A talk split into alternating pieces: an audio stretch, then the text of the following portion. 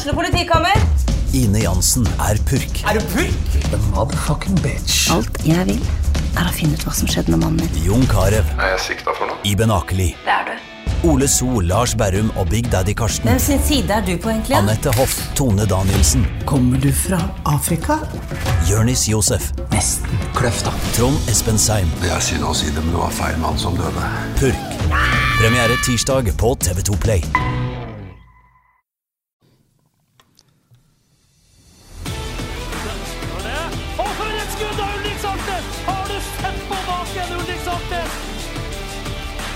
Det skåring, og så skårer Bodø-Glimt.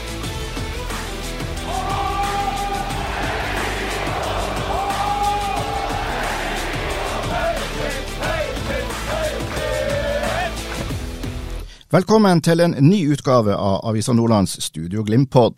Det er lørdag 28. oktober, og to dager siden Bodø-Glimt leverte en kongekamp på Aspmyra og sendte Besiktas hjem til Tyrkia med et fortjent tap.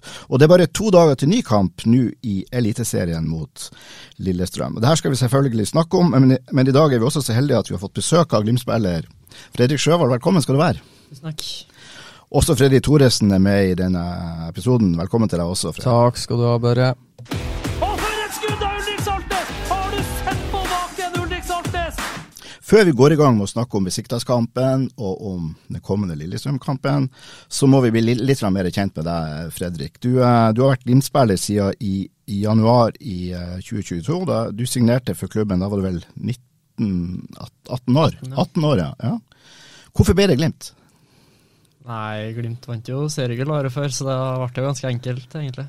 Så hvis Glimt ikke hadde vunnet seriegull i 2021, så hadde du ikke sittet her nå og vært Glimt-spiller? Nei, det var jo mer TV. det. Var liksom følelsen når jeg kom opp på hit og trente her, og selv om det var ti minusgrader og masse snø, så var det som frista klart mest, ja. Ja. Så været var ingen showstopper på den måten? Nei, likte prosjektet og hvordan ting fungerte, og ja, selvfølgelig når man ser hvordan det har gått etterpå, så var det jo rett valg. Så du, er, du kan her og nå si at det der var ei beslutning du er godt fornøyd med? Ja. det var, det var eh, veldig godt, eh, godt, å høre. Men før du kom til Glimt, eh, så gjorde du noe som ikke er helt vanlig. Du forlot et akademi i, i Rosenborg. Et, egentlig et sånt toppakademi, må man jo kunne si, i norsk fotball, med all respekt. Og, og fordi at du ville spille A-lagsfotball på herrenivå, på seniornivå, mener jeg. Ja. ja og hva, du, hva, var tankene dine rundt det? Da Da var du enda yngre, da var du kanskje bare 16? Ja, 16, ja. Nei, altså det var jo et ganske uvanlig valg, da, i forhold til hva mange andre gjorde. Men sånn for min egen del så følte jeg egentlig det valget var ganske enkelt. Hvis man så på hvor Rosenborg 2 var, så var jo de et tredjedivisjonslag, og så var Tiller det samme. Og for min del så føler jeg det etter det med kulturen i et A-lag som er helt annerledes enn akademi, da. Så det, på det tidspunktet var det ganske enkelt for meg, egentlig. Så du føler også at det valget var, var, var klokt? Ja, altså jeg føler jo egentlig at jeg har gjort det meste rett sånn sett. Og så var ting veldig bra tilrettelagt for meg tidligere, og det var en fin klubb, og jeg trivdes veldig godt der. Mm. Du, men Fredrik, hva er det du sier kulturen i et uh, seniorlag er mer tilrettelagt? Hva var det som gjorde at en, en ung 16-åring ser det, ser de forskjellene der på det tidspunktet du gjorde det? Jeg vet ikke. Jeg har kanskje litt mer reflektert enn de fleste 16-åringer også. Mm. Um, og så kjente jeg treneren på Tiller uh, litt, så det, det hjalp jo på. Og så var det jo noe med den treningshverdagen og hvordan ting er i et akademi, som jeg følte kanskje ja, Det merker jeg jo nå også når man nevner B-laget. Det er veldig annerledes enn hvordan det er på et seniorlag, i forhold til hva forventningene er, hvordan kravene er, hvordan liksom, kulturen og sånn er med lagkamerater. Og liksom det Bare hvert jeg kom dit, så liksom måtte jeg et hakk opp på alt. Mm. Så jeg følte jeg jeg mer rett og slett at jeg fikk liksom progresjon med en gang. da. Tror du andre talenter rundt omkring i Norges land kan ha godt av å gjøre det samme, ta det samme grepet som du gjorde? Altså Folk som i dag er på forskjellige akademier rundt omkring. Tror du det kan være sunt for de også å tenke skal jeg vurdere heller et A-lag? Ja, men det er jo det er en vanskelig vurdering det der, da. Altså Selvfølgelig man ønsker jo å få det til egen klubb, og det å bytte klubb er jo kanskje ikke rett for alle, men altså jeg tror jo det å før eller siden komme seg ut og spille for et seniorlag vil være veldig lurt. da. Og selvfølgelig det beste er hvis det er rett opp A-laget i det akademiet, da, men mm. hvis ikke så tror jeg det kan være smart. da. Mm. det er jo et tøft sprang det der, eh, fra akademiet opp til A-lag. og Det er jo kanskje spesielt tøft i de klubbene som er, som er best, typisk Bodø-Glimt. Der er det jo ikke bare å, å være en god akademispiller og tro at det betyr at da har du eh, Nei, veien, veien frem og opp til A-lagsspill både i et Stabæk-akademi, et eh, Rosenborg-akademi som vel heter SalMar-akademiet, og Glimt-akademi. Når du er 16 år, så er veien opp til å spille A-lagsfotball for Stabæk, Rosenborg, Bodø-Glimt. Den er tøff, det har man jo sett mange. Men det interessante er jo at eh, Fredrik Sjøvold går til en lokal tredjedivisjonsklubb i Trondheimsområdet og tar de stegene. Det her er jo tidligere spiller jo nå mot Bodø-Glimt 2. De spiller, spilte i fjor mot Junkeren, ikke sant. Så det, det er jo et nivå som Bodø-fotballen er å matche seg på. Og det var det nivået en ung Fredrik Sjøvold ville til.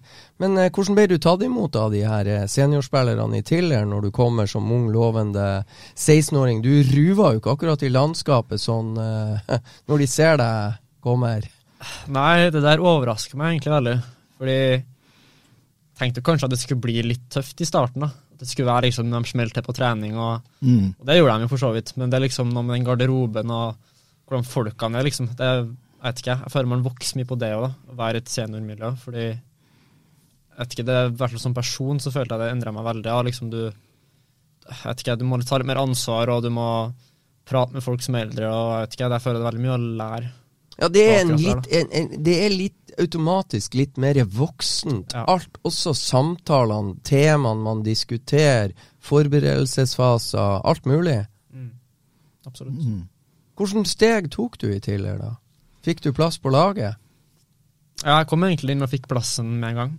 Så Sånn sett så gikk det jo veldig bra. Og så var jeg veldig uheldig med at det kom korona med en gang. da. Så vi fikk jo ikke spilt på et, på et helt år i det, med seniorlaget. Men altså, jeg føler egentlig at jeg liksom kom inn og tok plassen med en gang. og følte jeg vokste veldig mye på det. da. At liksom her var det en konkurransesituasjon, og her må du faktisk ta plassen. Det er ikke sånn at du bare får spille fordi du har de ferdighetene. Liksom, her må du, må du vise hva du har. og og Spesielt fysisk da, så var det jo et veldig stort steg. Så der, der måtte jeg jo egentlig opp med en gang. I Bodø så signerte du altså for Glimt i januar 2022, og i juli samme år så fikk du din eliteseriedebut. Så vidt jeg har lest meg opp til, og så vidt klarer å huske, det var mot Jerv på Aspmyra. Da kom du inn for Hugo Vetlesen, kan ikke lese dem, Jo. Som høyre indreløper.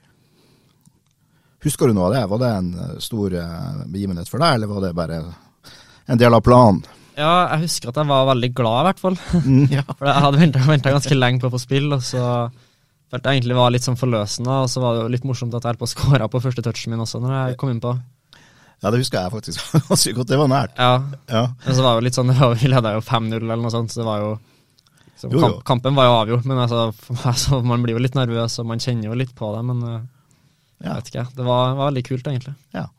Men altså, du signerte jo den eh, i oppkjøringa til den sesongen. Hvor, hvor irriterende var det å vente så lenge på å få sjansen på å prøve deg på A-laget? Angra du noe underveis, eller, eller var den treningshverdagen såpass interessant at du visste hva som må til for å eventuelt slippe til?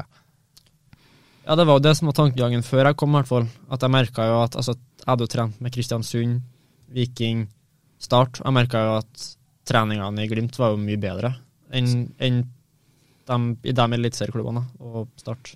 Ja, det merka du. Det var, Nå er du tilbake til den beslutningsprosessen. Hvilken klubb skal du velge? Du merka det når du var prøvespilter for Bodø-Glimt? Ja, så jeg syns at det var bedre, det opplegget som var her. Og jeg, det var jo litt morsomt, da. Men altså, det var liksom Når jeg var trent med Glimt, og det, det treningsoppholdet hvor jeg følte at jeg gjorde det klart dårligst.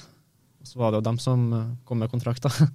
Hvor, hvor overraskende var det? For at du var jo oppe for å trene med de ei uke. Hvor, eller eh, ja, det, det, Om det var ei hel treningsuke, eller om det var tre eller fire treninger. Men når, når de da kommer og gir beskjed etterpå, de skal, du forventer kanskje du og dine agenter det skal evalueres litt, men så kommer de 'Vi vil ha deg'. Hvordan var det? Nei, det var jo litt lettelse, da. Fordi sånn Jeg var jo ikke sånn uh, overlykkelig med hvordan det treningsoppholdet hadde vært, og jeg følte jo at jeg ble utfordra på ganske annen måte enn hva jeg blitt fra, blitt fra før av. Men uh, selvfølgelig, jeg ble jo superglad, og jeg følte egentlig det var ikke så mye å tenke over etter det. Så da Da var det bare 'let's do it'. Ja. Jeg må også spørre deg om én ting, for det, er jo, det var covid, du gikk til Tiller, og det var covid, og det var den slags, men det var jo en cupkamp. Altså, hvorfor finner Viking ut at de vil se på det? Hvorfor finner Kristiansund og de her klubbene Hvorfor finner Bodø-Glimt ut av det? Men det var vel sånn at Tiller møtte Molde i cupen. Da var du 17 år. Kristiansund. Var det, var det Kristiansund dere møtte i cupen, ja.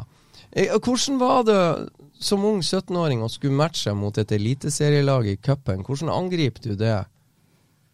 Nei, Jeg tror egentlig jeg fikk ganske god hjelp av treneren min for det. Fordi hele laget vi så egentlig på et vis på det som en treningskamp, egentlig. Vi hadde jo ikke spilt særlig scenefotball på over et år, og jeg vet ikke, alle var bare utrolig glad for å spille kamp igjen. Og det var litt liksom samme følelsen min òg. Det var jo Altså, her liksom bare gå ut og kose seg, fordi jeg, det, altså På den tida tenkte jeg jo at det er jo det er ikke så ofte du får denne muligheten. da. Så Det var egentlig bare å kose seg. og Det var jo liksom med kompisene mine. Det ble tidligere en kompisgjeng, så det var jo egentlig bare å gå ut og nyte øyeblikket med kompisene. Og det, Selv om vi tatt fem igjen, så var det utrolig artig å spille. og Uansett om jeg hadde spilt en veldig god kamp eller en litt dårlig kamp, så vet ikke, det er jo sånne øyeblikk man syns er morsomme. Men da får du jo loggført hva du sjøl står for som spiller, mot det som da er definert som et eliteserielag. og Det er greit mm. å ta med seg. Ja, absolutt. Det er noe med den erfaringa, ja. Bare et sånt lite lurespørsmål. Husker du hvem som var kaptein for eh, Tiller i den kampen? Meg sjøl. det er sånn småfrekt. Du er 17 år, og så er du kaptein for, for voksengjengen. Det, det syns jo jeg er litt fascinerende. Hva det er slags Hvorfor ble du kaptein på Tiller? Vet du noe om det? Har du snakka med treneren om det? Ja, altså Det er litt vanskelig å si. Jeg følte jo, jeg skulle jo ikke være kaptein når jeg kom til tidligere som 16-åring, egentlig. Det var men, ikke planen? Nei, men, eh, men, etter det oppholdet, når vi begynte å trene igjen, så vet ikke jeg. Jeg tror bare det var veldig naturlig å bruke meg som kaptein når vi kom til første kampen og jeg fikk bindet, liksom. vi hadde ikke snakka så mye om det på forhånd, men eh, det var liksom ingen, ingen som reagerte noe særlig på laget. Alle virka som syntes det var naturlig. Så. Er du en sjefete type på trening og sånt, eller forlanger du ting av, av lagkameratene dine, og du, gir du tydelig uttrykk for det?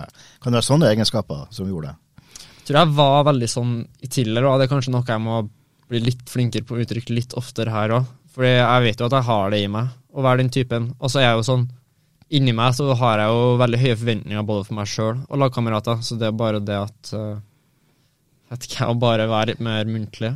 Hele poenget er jo egentlig altså Fredrik Sjøvold er antageligvis litt annerledes og litt spesiell og stiller høye krav uh, i egen hverdag og har nok en plan om å bli Det er nå en mistanke jeg har, Fredrik, om å bli god. Og jeg tenker det valget Jeg syns på en måte det henger sammen her. Det valget som 16-åring jeg vil spille seniorfotball. Ok, det er et annerledes valg, og så tar han det valget. og det, jeg syns det viser litt hva, hva, slags type Fredrik Sjøvold er. Treneren identifiserer et eller annet spesielt. Det her er en gutt som vil noe.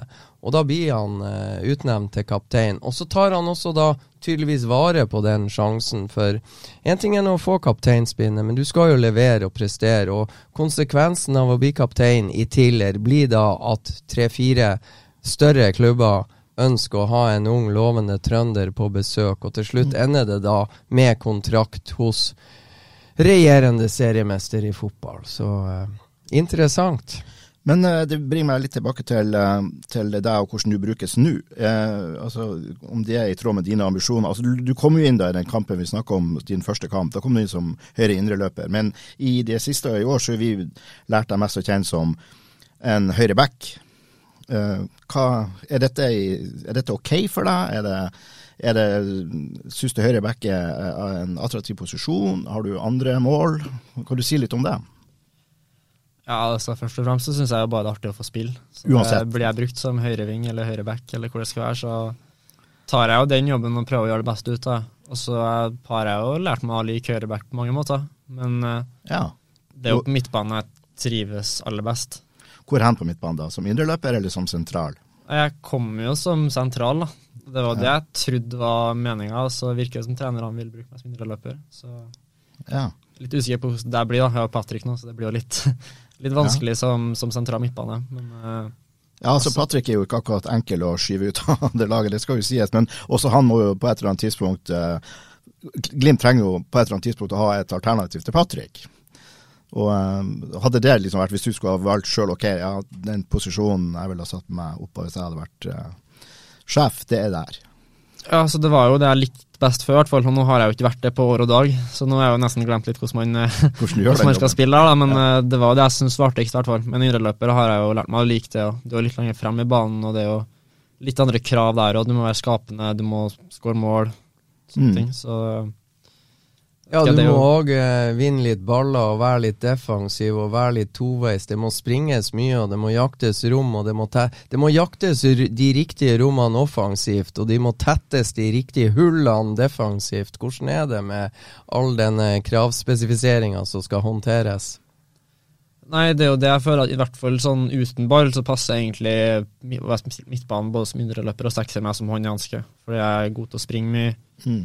Jeg vinner mye baller, jeg føler jeg er ganske smart sånn i posisjoneringa defensivt. Så Sånn sett passer meg jo egentlig kjempebra. Og så er det jo bare litt med det å operere i mellomrom og posisjonere seg, og det å liksom komme inn i boksen og Mm. litt det der, da. Kanskje som må jobbes enda mer med. Nå har du jo eh, eh, gjort det veldig bra som høyreback. Vil jeg jo ja, påstå.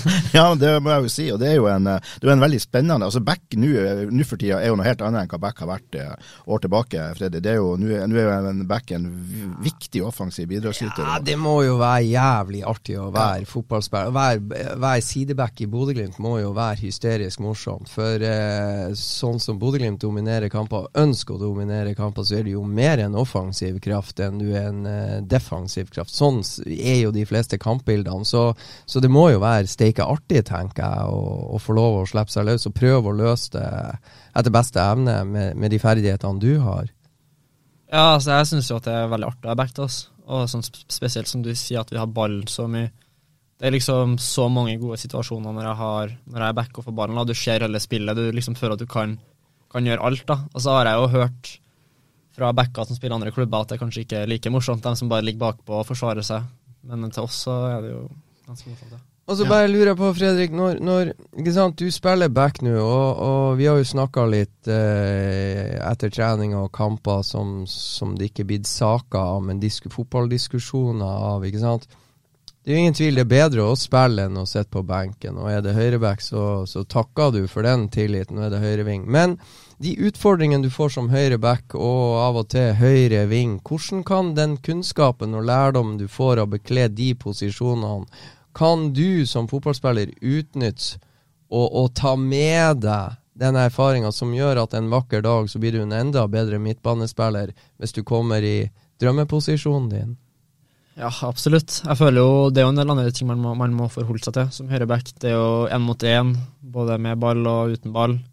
Det er det å forholde seg til bakrom og sånn, det er kanskje ikke så mye inn i midtbanerollen, da. Men eh, jeg føler veldig mange aspekter som man får trent mye på. da. Det er jo det liksom å tre, tre opp, slå innlegg. Ikke, Det er jo ganske mange ting som man kanskje ikke vanligvis får, men som ikke, det komple kom komplementerer deg jo som fotballspiller. Mm. Men eh, litt sånn utafor det som skjer på banen.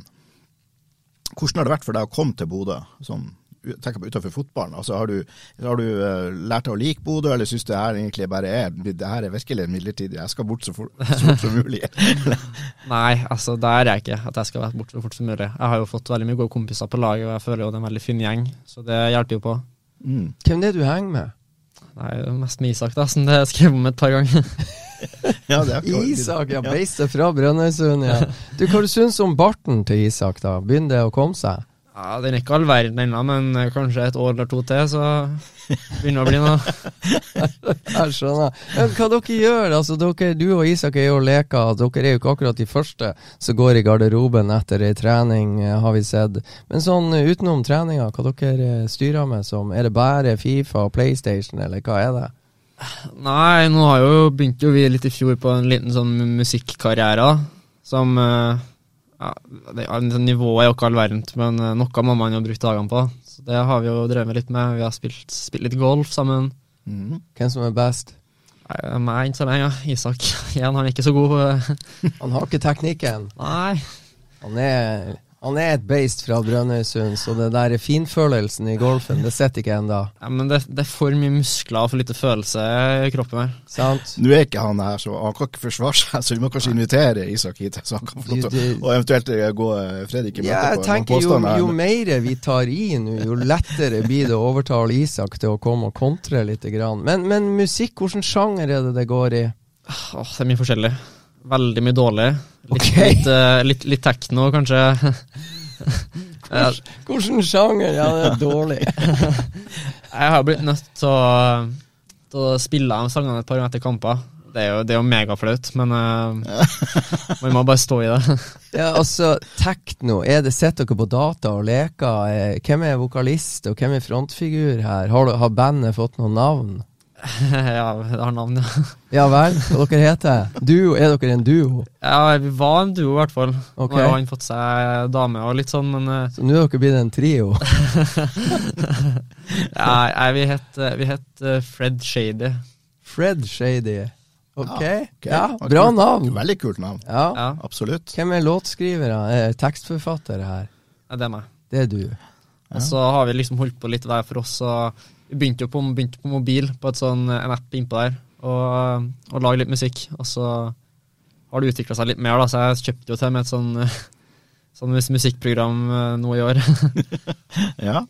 så begge to har prøvd seg litt som vokalist, men vi fant egentlig ut at begge to er like ræva, så det er litt sånn samme hvem som blir å synge. Så det er like dårlig? ja.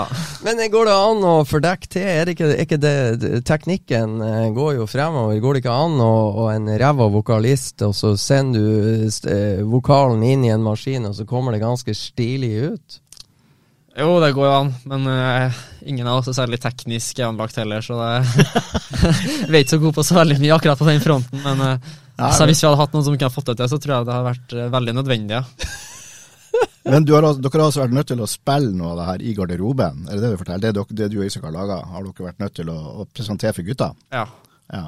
Og har det vært stormende jubel, og, og eller hva hvordan har reaksjonen vært? Nei, det var litt dempa jubel, kanskje, kan man si. Høflig applaus. Ja, nei, sarkastisk applaus, kanskje. Sarkastisk applaus. Jeg vet ikke, men Jeg syns jo det var artig, ja, men jeg tror, ikke- jeg tror ikke de applauderer kvaliteten på arbeidet, nei. Nei, okay. De går hjem og hører på de sangene på repeat. Så dere har ikke Er det noen foreløpig hit i Glimt-garderoben? En som er blitt tatt bedre imot enn andre? Nei, det er ingen som har blitt uh, varende, nei. Jeg tror ikke det er noen som har lagt dem til spillelista før kamp, akkurat, men uh, Jeg tror jeg har noen sang som er spilt sånn 200 ganger av tilfeldige folk, så det er jo ikke, all verden, akkurat, men uh. Ja, Ligger det her ute på, på Spotify? Eller på Nei, jeg tror ikke jeg skal si noe om det. Nei, jeg Har ikke lyst til at det skal tolker det som et ja. Det er hemmelig. Folk må bare google Fred Shady. Ja, fantastisk. Men er det noe med Bodø som har overraska deg positivt eller negativt, siden du, eh, du kom hit? Ja, altså Man blir jo glad i folkene her, da, liksom. Og, altså, det er jo både dem på laget, men også det er liksom folkene rundt, dem som er tilhengere av laget vårt. Alt sånn, altså. Man merker jo at det er lidenskapelige folk, og virker som veldig fine folk også. da. Mm. Og så må jeg jo innrømme at det er ganske kaldt her, da. Ja. Det er jo kanskje noe jeg ikke er så, så glad i. Ikke så glad i det, nei. nei det, været er jo ikke akkurat det. Men det har jo vært, vært et veldig bra år værmessig. Ja. 2023, må vi jo kunne si.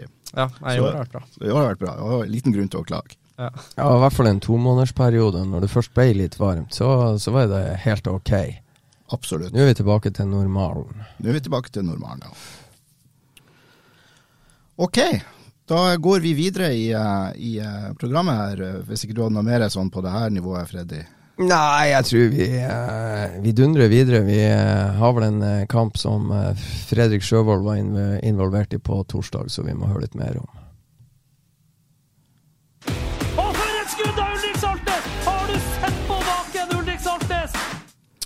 Ja, det var en kamp på, på torsdag på Aspmyra. Jeg går ut fra at stemninga var rimelig god i garderoben eh, etter den eh, kampen, Fredrik. Uh, ja, det kan, det kan man si. Ja. Uh, Besiktas ble slått 3-1. Uh, Freddy, da er vi plutselig tilbake der at, at nå er Glimt i posisjon faktisk til å kunne klare å uh, avansere i uh, Conference League, hvis de uh, selvfølgelig tar vare på den muligheten som, de nå har fått? Jo, men det som var så forfriskende det med, med Bodø-Glimt besiktas, det, det, det, Du skjønte det liksom litt. Det, det var litt sånn duskregn i lufta, og et, en tyrkisk motstander som kommer litt seint til Bodø og trener hjemme i Istanbul i 20-24 grader før de kommer ned. og Godt tyrkisk lag, eh, ingen tvil. Uh, men det var, det var duskregn, det var fint vær. ikke sant? Det, det beiket nedbør underveis i kampen. Det var god, veldig god stemning. Og så var det et Glimt-lag som begynte å fyre litt på sylinderne. De visste hvor eh, motstanderen kom til å etterlate seg rom og, og hull som Bodø-Glimt kunne angripe. Og, og, de rommene torde et, et, ganske sånn offensivt anlagt Glimt-lag å ta. Og så var det så forfriskende å se.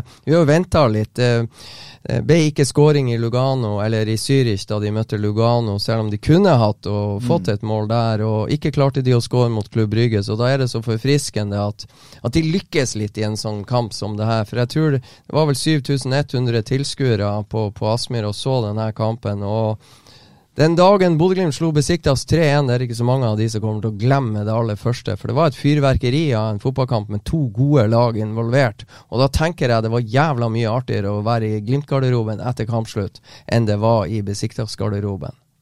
Du fikk noen minutter mot slutten, eh, Fredrik. Jeg tror det var en sånn kvarters tid eller noe sånt. Eh, Erstatta Bris på høyrebekken. Hvordan var det å komme inn? Nei, det gikk ganske greit. Altså, jeg følte ikke at på slutten så hadde vi ikke noe spesielt mye spill sjøl eller noen sjanser. Vi klarte liksom ikke å Det var de som trykka litt på? da? Ja, vi klarte liksom ikke å ta vare på ballen så mye. og Det virka ikke som vi, vi, var så gira på å gjøre det heller, egentlig. Men uh, Var dere egentlig bare mest gira på å, å, få det her ferdig? Altså bare sørge for at vi ikke det ble noe baklengs, og så ja, sikre seieren? Det var jo litt sånn det så ut, da. Og så endte vi opp med å skåre et lite sjølmål på slutten. Men uh, så jeg syns egentlig det gikk fint. Altså Det er jo sånn man ser at det er et lag med gode spillere og sånn. Mm. Det er litt som vi snakka om på forhånd av kampen, at her er det her er et lag mot individualister.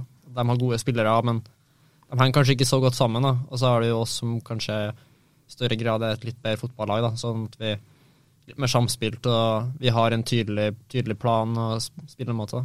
Mm.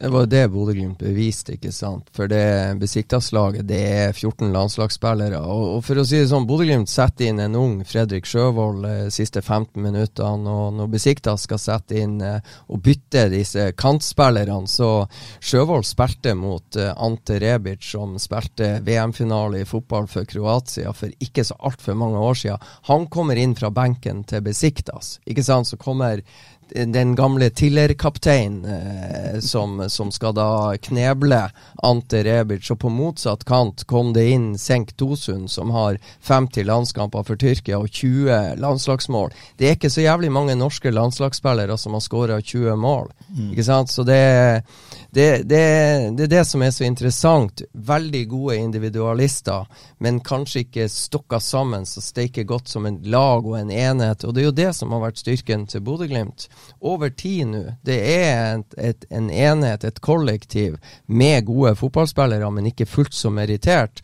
Og det er jo det som er så interessant, at det var da kollektivet som uh, stakk hjem uh, Eller satt igjen med seieren etterpå. Men jeg, noe forteller meg at uh, Besiktas-laget var på et vis litt klar over hva som kunne møte dem, men de klarte ikke å gjøre noe med det allikevel, selv om de var egentlig ganske godt forberedt. Og det godt forberedt, men samtidig ganske ustrukturert og, og ikke kollektivt, som vi har vært inne på. Altså de, de, ja. de fremsto ikke som et lag så, hvor den ene lagdelen visste hva den andre gjorde, omtrent, i perioder. Mot slutten så det jo faktisk litt mer sånn ut. Om det kom av Glimt bare slappa mer av eller begynte å ikke gjøre jobben sin eller ikke, det, det er litt vanskelig å si. Men én spiller utmerka seg i mitt hode i den kampen der, og det var jo og det er jo rart vi prater om han, da, men det var jo Nikita. Jeg syns han hadde noen uh, verdensklasseredninger, for, for Besiktas hadde sjanser. De, ja, de, de, var ikke, de, var ikke, sjanseløse på Aspmyra. Ja, det er jo det som eh, det på en måte får seg et lag med gode individu individualister. Han eh, Rashika på den ene vingen og Gazell på den andre vingen. Altså Det er en, eh, Kosovo, en landslagsspiller for Kosovo, nærmere 50 landskamp, og en med 22 for Algerie. Og det er klart, de gutta der, lett tekniske kantspillere, de er gode å slå innlegg. Mm. Og det er ikke alle norske kantspillere som er så jævla gode å slå innlegg. Og når du spiller for Besikta, så er en god kantspiller, og så har du da Abu Bakar i, i I midten, der, ja. som, som skal henge i boksen. Og han har da bare skåra 37 mål for Kamerun, så det er en solid plugg som kan time innhoppene. og disse kantspillerne vet jo sånn cirka hvilket rom de, eller Abu Bakar, ønsker å få ballen. Og eh, det er klart, Brede Moe og Odin Bjørtuft ser litt små ut når det kommer gode innlegg mot en spiss som er posisjonert riktig. Og da er det jo så forfriskende å ha en keeper som ligger nede i hjørnet til høyre og fister ut. Og det er lov å ha ethvert godt lag. Det er lov å ha en god keeper. Og eh, det var jo steike artig for Nikita Haikin å få lov å vise det på den eh, internasjonale scenen for Bodø-Glimt. Jeg vil tro han var, han var godt fornøyd. Men dette med innlegg Jeg syns eh, Besikta fikk slått en del innlegg. Og da har jeg litt på, Fredrik, jeg vet ikke hvordan dere ser på det, men uh, er det for lett å komme til innlegg mot, uh, på Glimt? Altså, er, er det noe med, med Slipper vi de litt for lett til? Ja, kanskje, men så føler jeg jo Sånn som vi ser på det, så spørs det jo litt hvor innleggene kommer fra. For det er jo, altså Hvis folk bare står og slår innlegg fra midtbanen, så blir det jo gjerne ikke farlig. Men jeg vet ikke, det er jo kanskje, ble kanskje litt generell, da. Men ja. jeg føler at hvis de står på 30 meter og begynner å slå innlegg fra veldig bredt i banen, så syns ikke jeg at det er så farlig. da. Det skal vi klare å håndtere. mens selvfølgelig hvis det er liksom en mot en med vingen og han kommer ned til dørlinja og får lagt, så blir det noe litt annet. Så, det, så jo nærmere dørlinja den potensielle innleggeren kommer, jo farligere opplevde du situasjonen kan bli? Ja, kanskje. Altså, jeg er jo litt enig i at kanskje de fikk slått inn litt lett, og det var jo det de skapte sjansene sine på, mm. virka det som. Men så er det jo, jeg tror når du møter såpass gode spillere, så er det jo nesten måte uunngåelig at de kommer til noen innlegg, og at de får skapt noe. Men jeg føler jo det viktigste er at vi de, de fikk ikke de situasjonene så altfor ofte. Det var ikke så ofte at de var én mot én mot backen vår, eller at de kom rett inn i mellomrom, og at de fikk sånne gode situasjoner. Ja, Det var egentlig bare mest mot slutten, føler jeg. At, ja, men det var jo en, ikke sant. Den er, første redninga til Nikita den er jo før pause, og, og, det er en ganske stor sjanse. Men det er jo der eh, Besiktas viser kvaliteten i det. Der, jeg mener det var Rashika som, som slo inn, og jeg skvatt litt dekken. Har du det, så snert innlegg? Det er litt de, de klarer å slå innleggene forbi førsteforsvarer til Bodø-Glimt, og så er det også litt sånn flott kraft i ballen som gjør at uh, at det går fort, ikke sant. Og du, hvis, hvis en av stopperne til Glimt er litt feilposisjonert, så er jo da spissen riktig posisjonert, for de har jo øvd på det her. Så det er jo der de viser den kvaliteten. Så jeg, så jeg tror det er Det er ikke det enkleste å forsvare seg mot, men det er jo noe jeg vil tro Glimt-spillerne det er jo den eh, på en måte fordelen Bodø-Glimt-spillerne har med å få lov å smake på det her europeiske nivået, og som gjør at man gradvis blir bedre og bedre. For man blir utsatt for sånne mm. klassespillere som Eller man får målt seg mot sånne klassespillere som man fikk på torsdag. Og, og jeg tror bare det er sånn inspirerende, og, og, og det blir diskusjoner om hvordan kunne jeg ha løst den situasjonen litt bedre? ikke sant? Så henger ting i hop. Mm. Så jeg tror bare det er sånn inspirerende. Men det kan, vet Fredrik mer om enn meg. Ja, altså vi, vi trener mye på det på treninga. Det å forsvare egen boks og sånn. Og så tror jeg jo Sånn det blir kampen her når du ser hvis, hvis de får fire-fem gode innleggssituasjoner, så blir det jo skummelt på tre. Så det er jo, man kan jo ikke slippe dem til så altfor mye. Så har du en annen ting. Hvis du som, som sideback på en måte ruser for mye ut i det du tror det kommer i et innlegg, så har jo vedkommende så steike god teknikk at han kan dra deg av og bare mm. sette fart inn. Og da vil det bli en slags følgefeil, ikke sant. Så det, mm. det er de der avveiningene som eh, som er marginal, ikke sant. Mm. Som, som, kanskje for oss som sitter på tribunen og ser på, blir litt avglemt i kampens hete. At uh, faen, jeg gjorde han feil, men hvis han har vært litt mer ivrig, ikke sant, enda mer ivrig, så blir han dratt av. Da blir det jo enda verre. Vi, vi, var på, også på trening i dag, Fred Ødeshøi på Fredrik og, og gjengen. og diskuter, Da diskuterte vi litt det her med at uh, det her med å blokkere. Altså det å kaste ut og blokkere enten et legg eller et skudd. Jeg, jeg, jeg syns ikke jeg ser så ofte at det skjer. At, Glimt, at dere virkelig nærmest med, med livet som innsats kaster dere foran og blokkerer. Jeg vet ikke om, er det, Tar jeg feil? Uh, det er ikke noe vi har hatt fokus på at vi er for dårlige på, men det, det, det kan godt hende. Ja, altså, ja. hvis, hvis, dere har sett det fra utsida, så kan det godt hende ja, det stemmer. Altså, ja, altså, ved et par anledninger i så har jeg liksom savna det siste, liksom den med dødsforakt. Gå inn og bare Det her skal jeg stoppe. Jeg tror vi så det mot Molde borte. Da var det litt blokkering og litt vilje og litt, eh, litt eh, sånn der som enkelte har savna. Og så så vi det motsatte kanskje mot Sandefjord. Ja, ikke sant? I, på et I hvert fall på et av de månedene hvor, hvor med en sånn inn, inngripen Ja, så man man rygg litt, rygg litt og ja. så, eh, ja. Litt for lett for et lag som Sandefjord som ligger nest sist og på en måte får lov Det var tre skudd Sandefjord hadde. Tre første skuddene og tre mål. Det Da blir vi litt sur. Men uh, vi er kommet over det nå. ja, vi er jo det, vi er jo det. Noe mer du vil si om eh, Besiktas, uh, Freddy? Ja, altså eh, Jeg syns det var fantastisk artig å se et Glimt-lag som eh, Det var en veldig god fotballkamp mellom to gode lag. Altså to, to litt sånn eh, Ikke sant Veldig gode individualister. Har du sett den en gang til? Jeg har ikke sett, men jeg har sett høydepunktene opptil flere ganger. Og nøkkelsituasjoner opptil flere ganger. Så jeg syns det var en, mest av alt en, en veldig god fotballkamp. Du ser, jeg tror publikum og, og vi som ser på, ser at det er en vanskelig motstander Glimt møter. Men vi ser, så også de feilene på en måte kollektive besikta oss. Eh, altså, de var litt naive. Høyrebekken, som hadde Amahl Pellegrino, han var konstant eh, feilposisjonert. Så hvis et par av Glimt-spillerne hadde oppdaga det litt før, så kunne nok Pellegrino vært spilt eh, alene med keeper flere ganger enn det han ble, og satt opp i gode posisjoner. Men det var en god fotballkamp. Rett lag vant. eh, og eh, jeg håper at Bodø-Glimt kan bygge litt mer momentum eh, på det her. Og så tror jeg også at folk allerede gleder seg til å få Lugano på besøk når du den tid kommer, for da kan det bli ny fe fest i Europacupen på Aspmyra.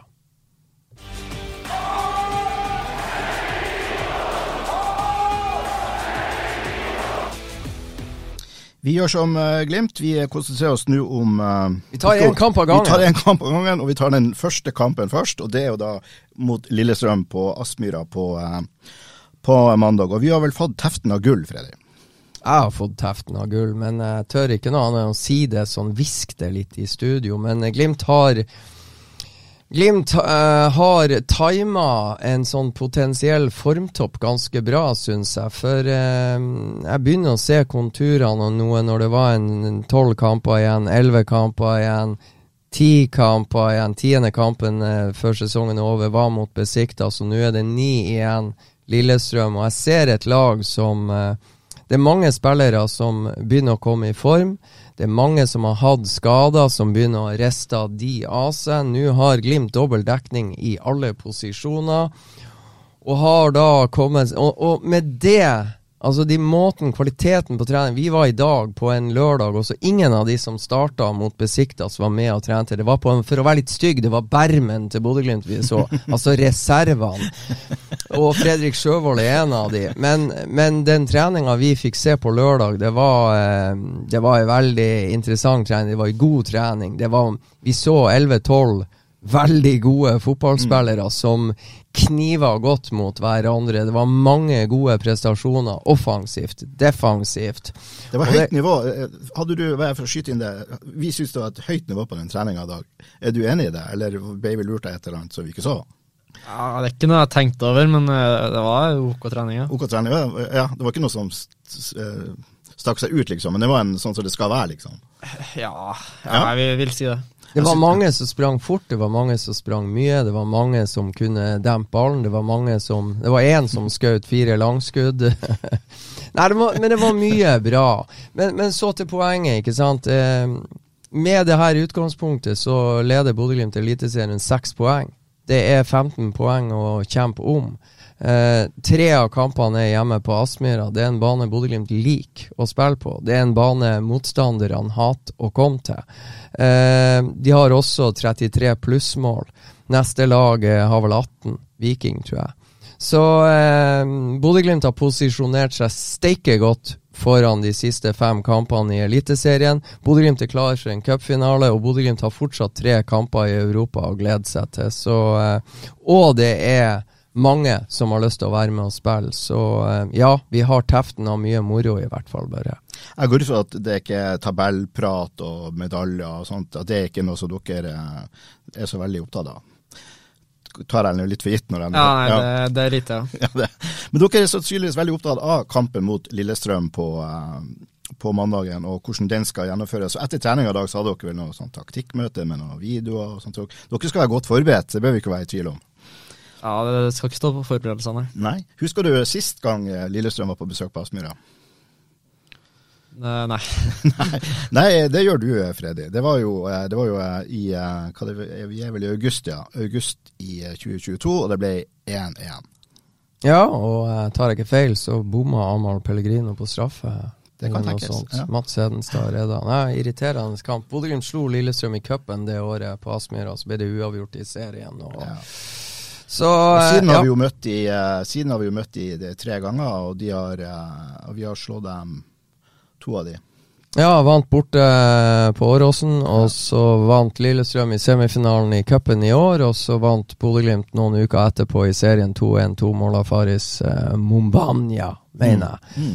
Så eh, en interessant, en god motstander. Eh, Et fysisk sterkt lag. Fysisk sterkt lag. Lillestrøm sleit litt når de, de solgte jo Igo Ogbu forsvant til utlandet, og eh, Akor Adams forsvant. De fikk en liten sånn eh, Formkurven peka litt nedover, de mista treneren osv. osv. Gikk til Vålerenga. Men eh, Lillestrøm er jo på et godt sted. De vant 2-0 eh, Nei.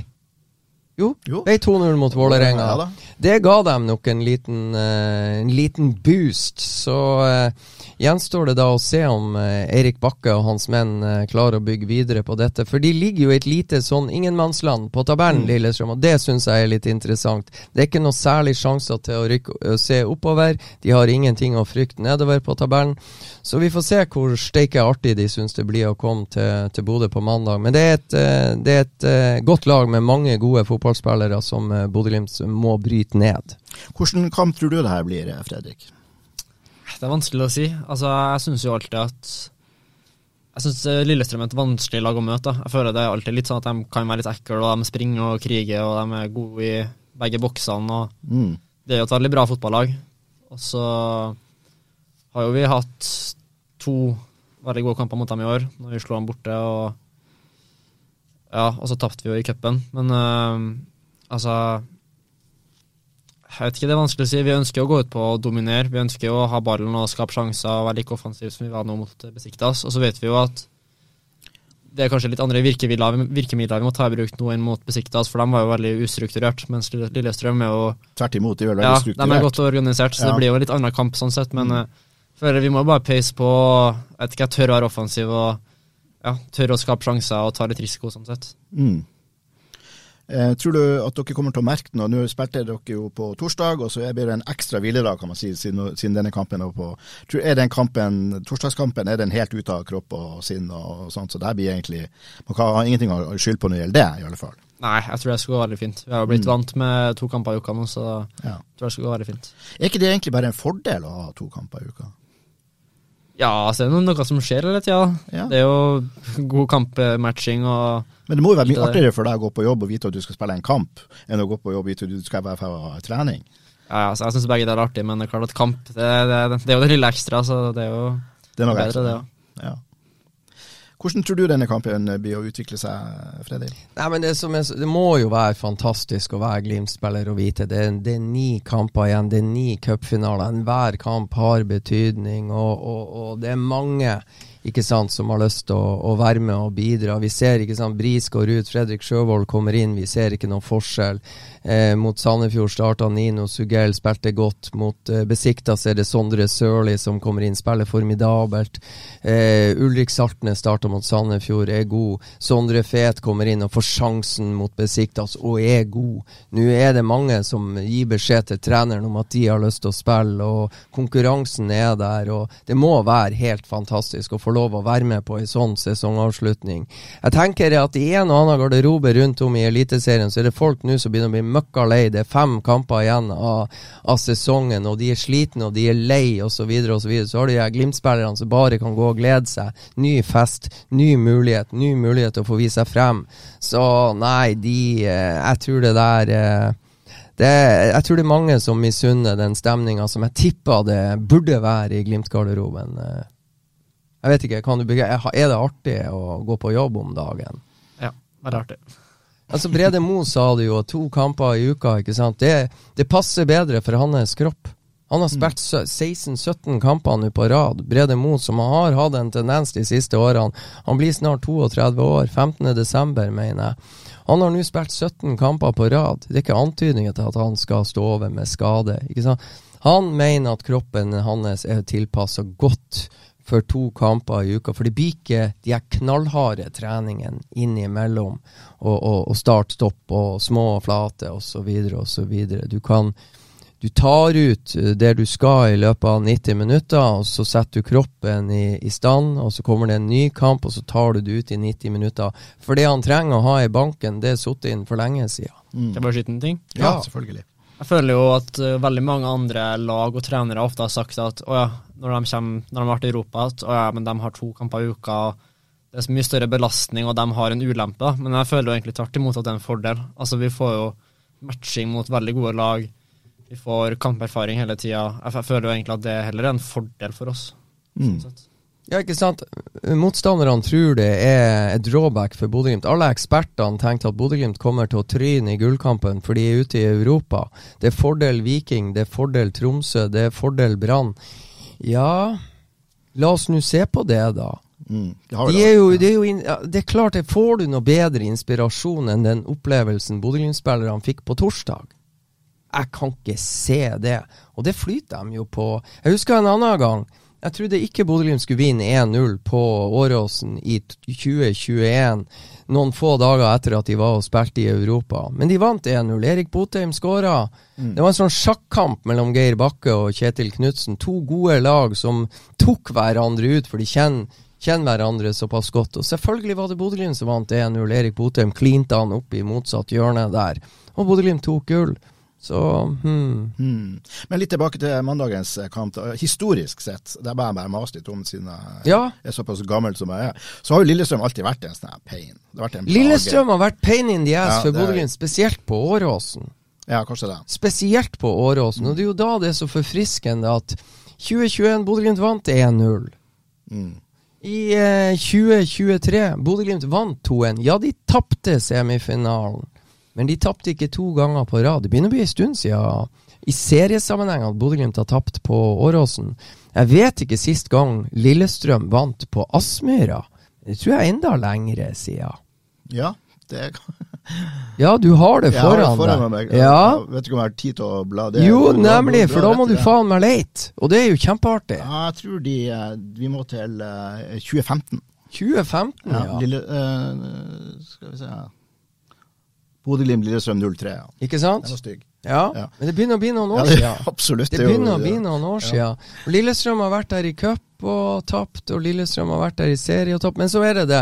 De klarte 1-1 i, i fjor, eh, Lillestrøm. Mm. Så, men en god motstander. Mange gode fotballspillere. Registrerer Stian Gabrielsen begynner å komme i form, og han elsker kamper som det her. Og, uh, Gjermund Aasen, veldig skummel innleggsfot. Mm. Så der, hvis Der må Fredrik det blokkeres. Ja. Han må ikke få plass, rom og tid, ikke sant. Så uh, Thomas Lene Olsen er en god uh, målskårer. Var vel mannen som var heldig og fikk tupp eh, Lillestrøm til cupfinalen. Angra vel etter, sikkert etter den behandlinga de fikk av Brann eh, på eh, Ullevål, men eh, Nei, det er et godt lag, og eh, det blir veldig interessant å se hva Bodø-Glimt kan få til på, på mandag. Så får vi håpe at det blir eh, masse folk. Jeg så det var nå solgt en sånn 5200-300 billetter. og La oss nå håpe at det blir litt flere enn det, da. Så at vi kan, eh, Ja, 5200-300, det, det syns jeg høres bra ut. Og så håper jeg folk hører på podden, og så oppfordrer vi folk til å løpe og kjøpe. For jeg tror, er det noe, hva, hva slags hjelp er det å få Fredrik Sjøvold av eh, 7000 elleville eh, bodøværinger, Glimt-sympatisører, når dere er ute? Får dere med dere krafta fra publikum? Ja, jeg føler jo det gjør jo noe ekstra med deg. Det er jo litt som å merke noe mot Besiktas. At det, ikke, det blir jo en helt annen atmosfære på, på kampene. og jeg vet ikke, jeg føler det bare litt sånn Det er litt sånn elektrisk når du går ut der og du ser så mye folk, og det er thunderstruck før kamp. og ja, jeg vet ikke. Det er jo, blir jo ekstra artig å spille da, rett og slett. blir, du blir vel- motivert. Du blir ekstra motivert av det.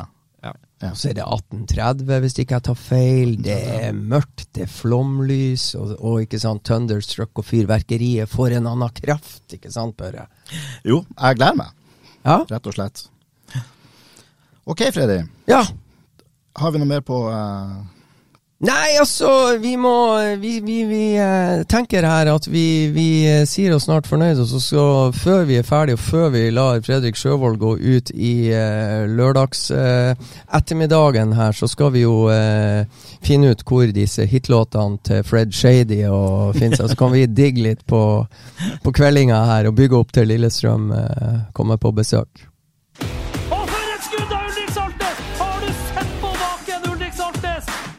Det var denne episoden av Studio Glimt-podden. Tusen takk til deg, Fredrik. Hyggelig å ha deg på besøk.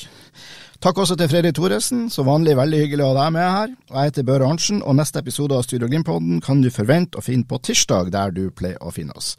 Ha det godt. Og?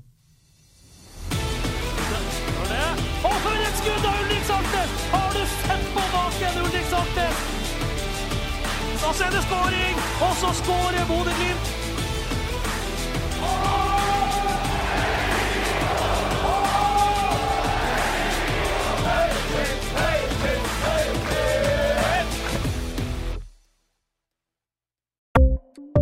Ukens annonsør er HelloFresh.